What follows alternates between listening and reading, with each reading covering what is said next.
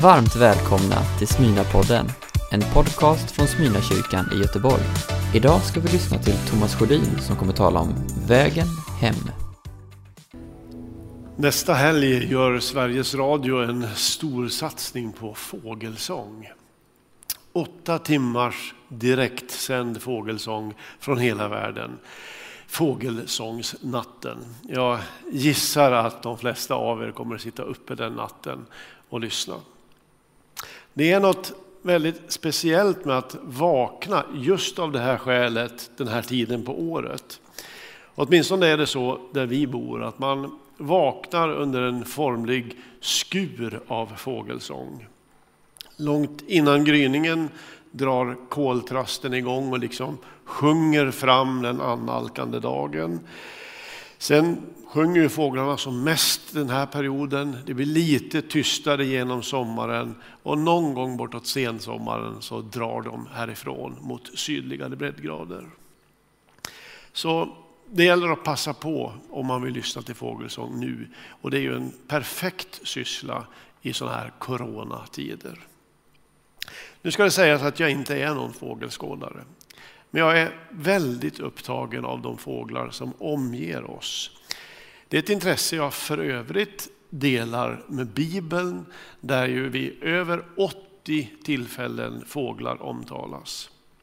Det är också en liten sidonotering att väldigt många teologer också är ornitologer och man kan fundera på varför. När Jesus håller det tal som kanske mer än något annat adresserar frågan hur ska jag leva så att jag inte missar själva livet, själva meningen med livet. Det tal som kallas för bergspredikan så menar han att vi har en hel del att lära av naturen och inte minst av just fåglar. Jag läser. Se på himmelens fåglar. De sår inte, skördar inte och samlar inte i lador. Men er himmelske fader föder dem. Är inte ni värda mycket mer än dem?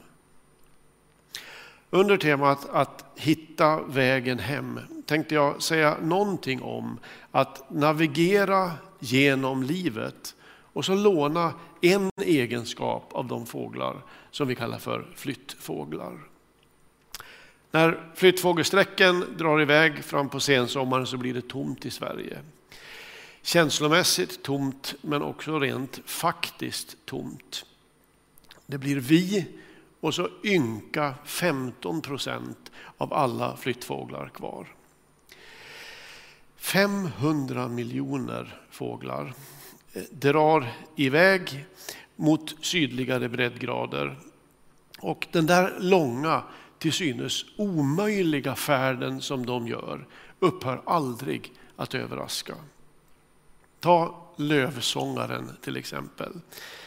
Den fågeln väger 8 gram ungefär. Den är född här, den kastar sig iväg helt ensam den långa resan över haven ner till södra Afrika. Tänk er det. En liten kropp på 8 gram i luftrummet över de oändliga och rytande världshaven. Och den kommer fram. Och den kommer dessutom fram till exakt rätt adress. Hur går det till? Det pågår en massa forskning om det i Sverige och en hel del vet vi redan.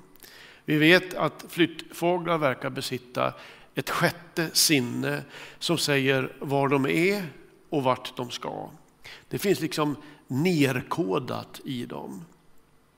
Vi vet också att en av hemligheterna bakom flyttfåglarnas halsbrytande färd genom ljus och mörker, regn och storm, sol och dimma, det är att de använder sig av mer än ett navigeringssystem när de drar.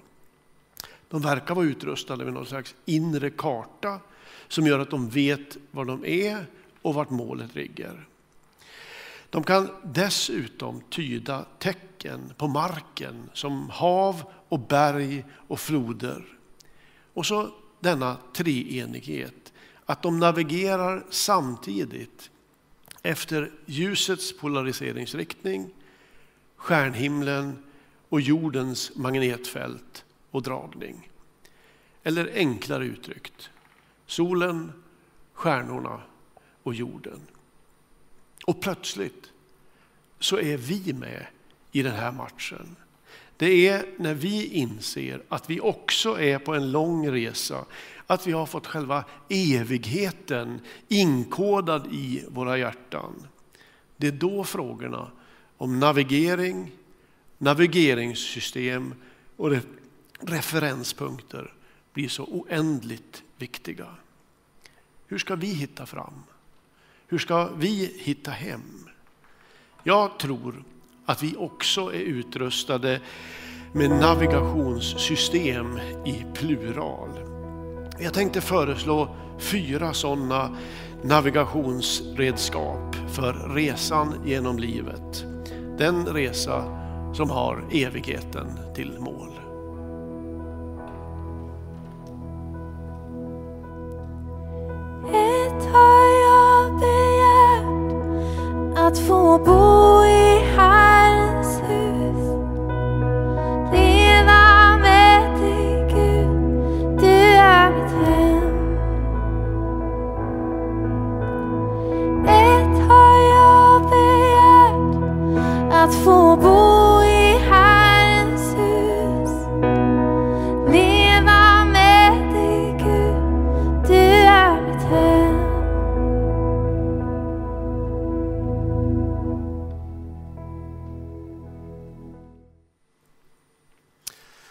Det första navigationsinstrumentet, det är längtan. Jag läser ur Predikarens bok i Gamla Testamentet. Allt har han gjort skönt för sin tid. Ja, han har också lagt evigheten i människornas hjärtan. Dock så att de inte förmår att till fullo, ifrån begynnelsen till änden, fatta det verk som Gud har gjort. Det finns tydligen inom oss en slags medfödd bristsjukdom. Alla människor beskriver den här bristen på olika sätt. Någon som en hemlängtan, någon som en känsla av främlingskap i världen och någon som en hemlig dröm som inte riktigt går att formulera eller uppnå. Och någon säger sorgligt om sitt eget liv. Jag ville ju så mycket mer. Tänk om den där längtan inte finns där av en slump eller för nöjes skull. Utan att den har med riktningen i livet att göra. Att den finns där för att vi ska kunna hitta hem. Allt har han gjort skönt för sin tid. Ja, han har också lagt evigheten i människornas hjärtan. Dock så att de inte förmår att till fullo, ifrån begynnelsen till änden, fatta det verk som Gud har gjort. Hela det där samtalet mellan predikaren och Gud är så obeskrivligt vackert. I Bibel 2000 står det om Gud att han låter oss urskilja ett sammanhang. Men att det liksom fattas en bit, en liten bit i det sammanhanget. En bit som bara finns hos Gud. Allt är skönt för sin tid, men det är också ofullkomligt. Vi fattar det inte från början till slut. Därför hör det till den kristna livskänslan att man inte riktigt känner sig hemma i den här världen. Vi vet att vi är evighetsvarelser. Men vi ska ändå våra, leva våra liv här. Predikaren är sparsam med snabba tips. Han ägnar sig åt att vända på stenar och vända dem igen. Men mot slutet av hans bok så skriver han någonting som är som en liten bit av en karta. Så här står det. Livsanden återvänder till Gud som gav den. Det säger var vi kommer ifrån. Men det säger också vart vi är på väg. Vi kommer från Gud Och vi ska återvända till Gud som är vårt ursprung. Alltså vi ska hem igen. Hur hanterar man den insikten här? Jo, ett råd ger predikaren. Och det lyder, tänk på din skapare i din ungdom. Lägg märke till det lilla tillägget i din ungdom. Alltså fritt översatt. Så tidigt det bara går. Lyssna på hjärtslagen ifrån din egen längtan. Det är Gud som har lagt den där för att du ska ha chansen att navigera genom livet och navigera hela vägen hem.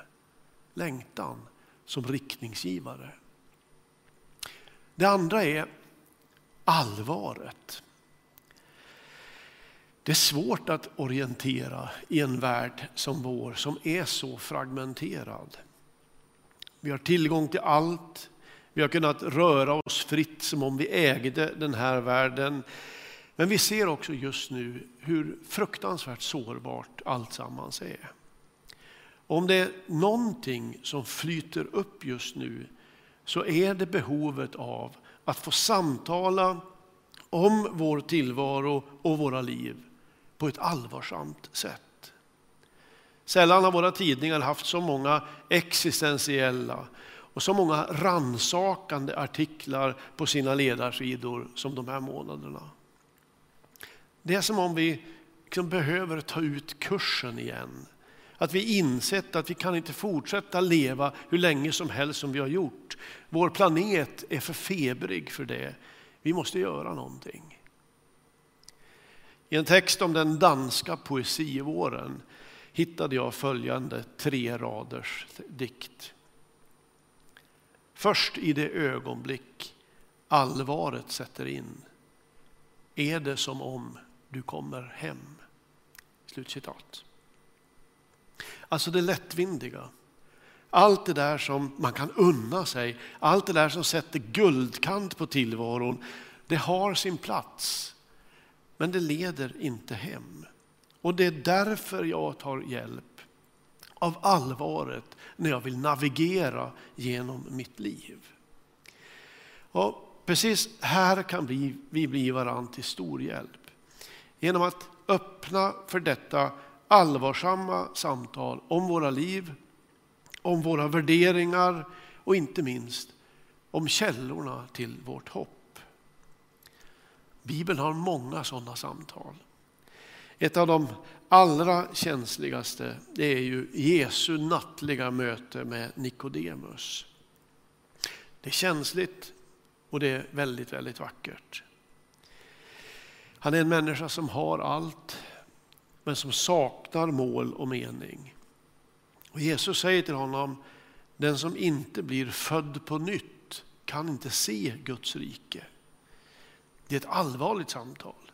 Men det leder till att Jesus ju ger Nikodemus själva sammanfattningen av livets mål och mening. Det som kallas för den lilla bibeln. Så älskade Gud världen att han gav den sin en, enda son. För att de som tror på honom inte ska gå under utan ha evigt liv. Sådana där samtal kan vara smärtsamma. De kan bli ransakande. Men jag tror att det är de som sätter våra fötter på vägen som leder hem. Det är först när allvaret sätter in som vi vet vad som är bestående, vad som håller att leva på och vad som håller att dö på. I efterhand kan sådana samtal lysa som stjärnor över den väg som blev vår.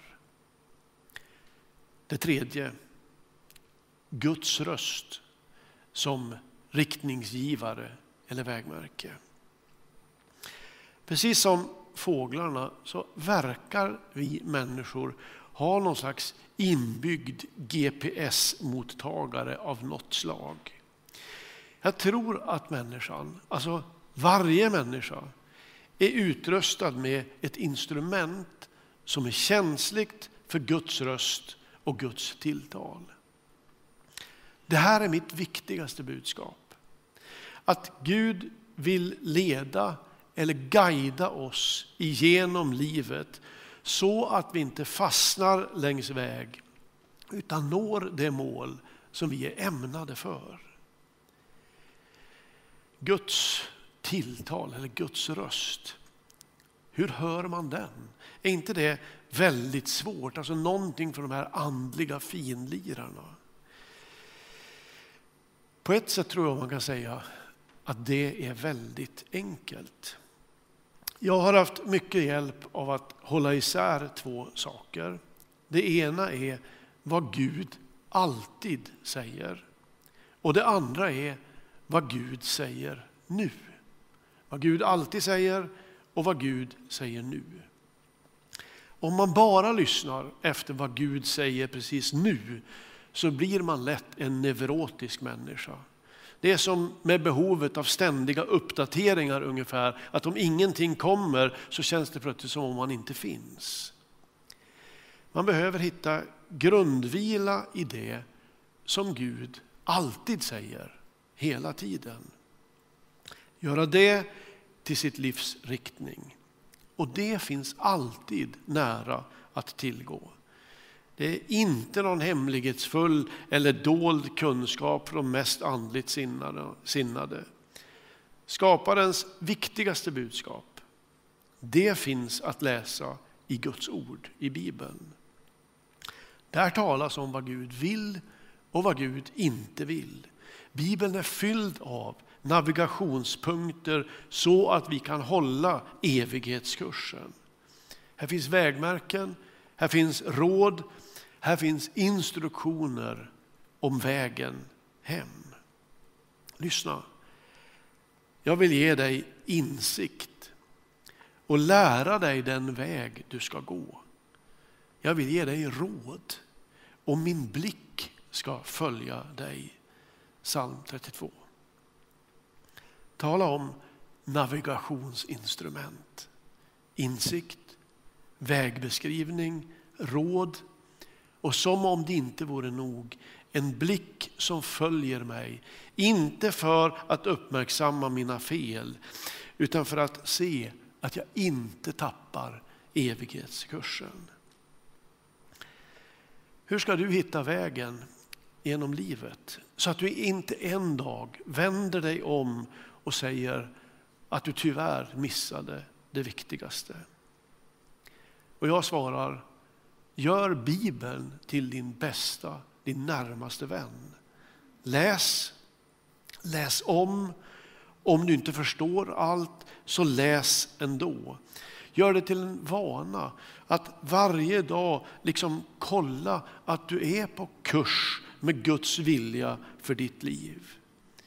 Idag finns så många goda hjälpmedel till det där, till ett dagligt bibelliv. Formen är inte viktiga, det viktiga. Det viktiga är att man har en form som gagnar det man vill uppnå. Det finns andaktsböcker, det finns bibelläsningsplaner, det finns appar. Psalm 119 säger Ditt ord är en lykta för min fot, ett ljus på min stig.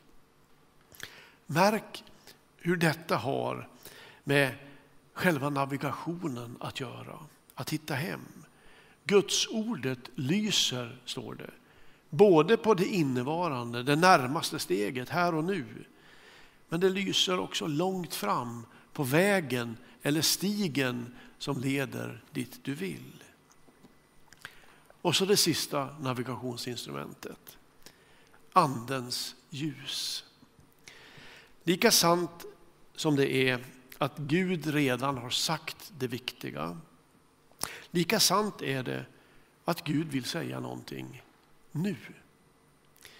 Guds ande använder det där tidlösa bibelordet till att säga saker som är högaktuella, som gäller den här veckan, som gäller idag, denna dag. Den heliga Andes stora uppgift är att lysa på Jesus, Jesus som är själva vägen. Men också att påminna om allt det Jesus sa. Men hjälparen den heliga ande som Fadern ska sända i mitt namn. Han ska lära er och påminna er om allt jag har sagt till er, står det i Johannes 14. Samspelet mellan det Gud alltid säger och så påminnelsen, det där lilla plinget i själen, när anden gör att det liksom plötsligt växer, finns där, betyder någonting i ett givet, givet läge. Det samspelet gör det kristna livet oändligt spännande och ibland väldigt överraskande. Se där, fyra navigationsinstrument för den viktigaste resan i tillvaron. Längtan, allvar, Guds röst och Andens ljus. Många av er som vanligen kommer till Smyrna 19 här i Göteborg har det mesta av livet framför er. Och jag avrundar med att upprepa till er predikadens råd. Tänk på din skapare i din ungdom. Alltså, fokusera inte bara på det som känns bra just nu, det dagsaktuella, det närmaste, utan sätt kursen nu. Du är inget mindre än en evighetsvarelse. Du har lyssnat på en predikan från Smyrnakyrkan i Göteborg. Hjärtligt välkommen att lyssna igen eller besöka Smyrnakyrkan. Gud välsigne dig och din vecka.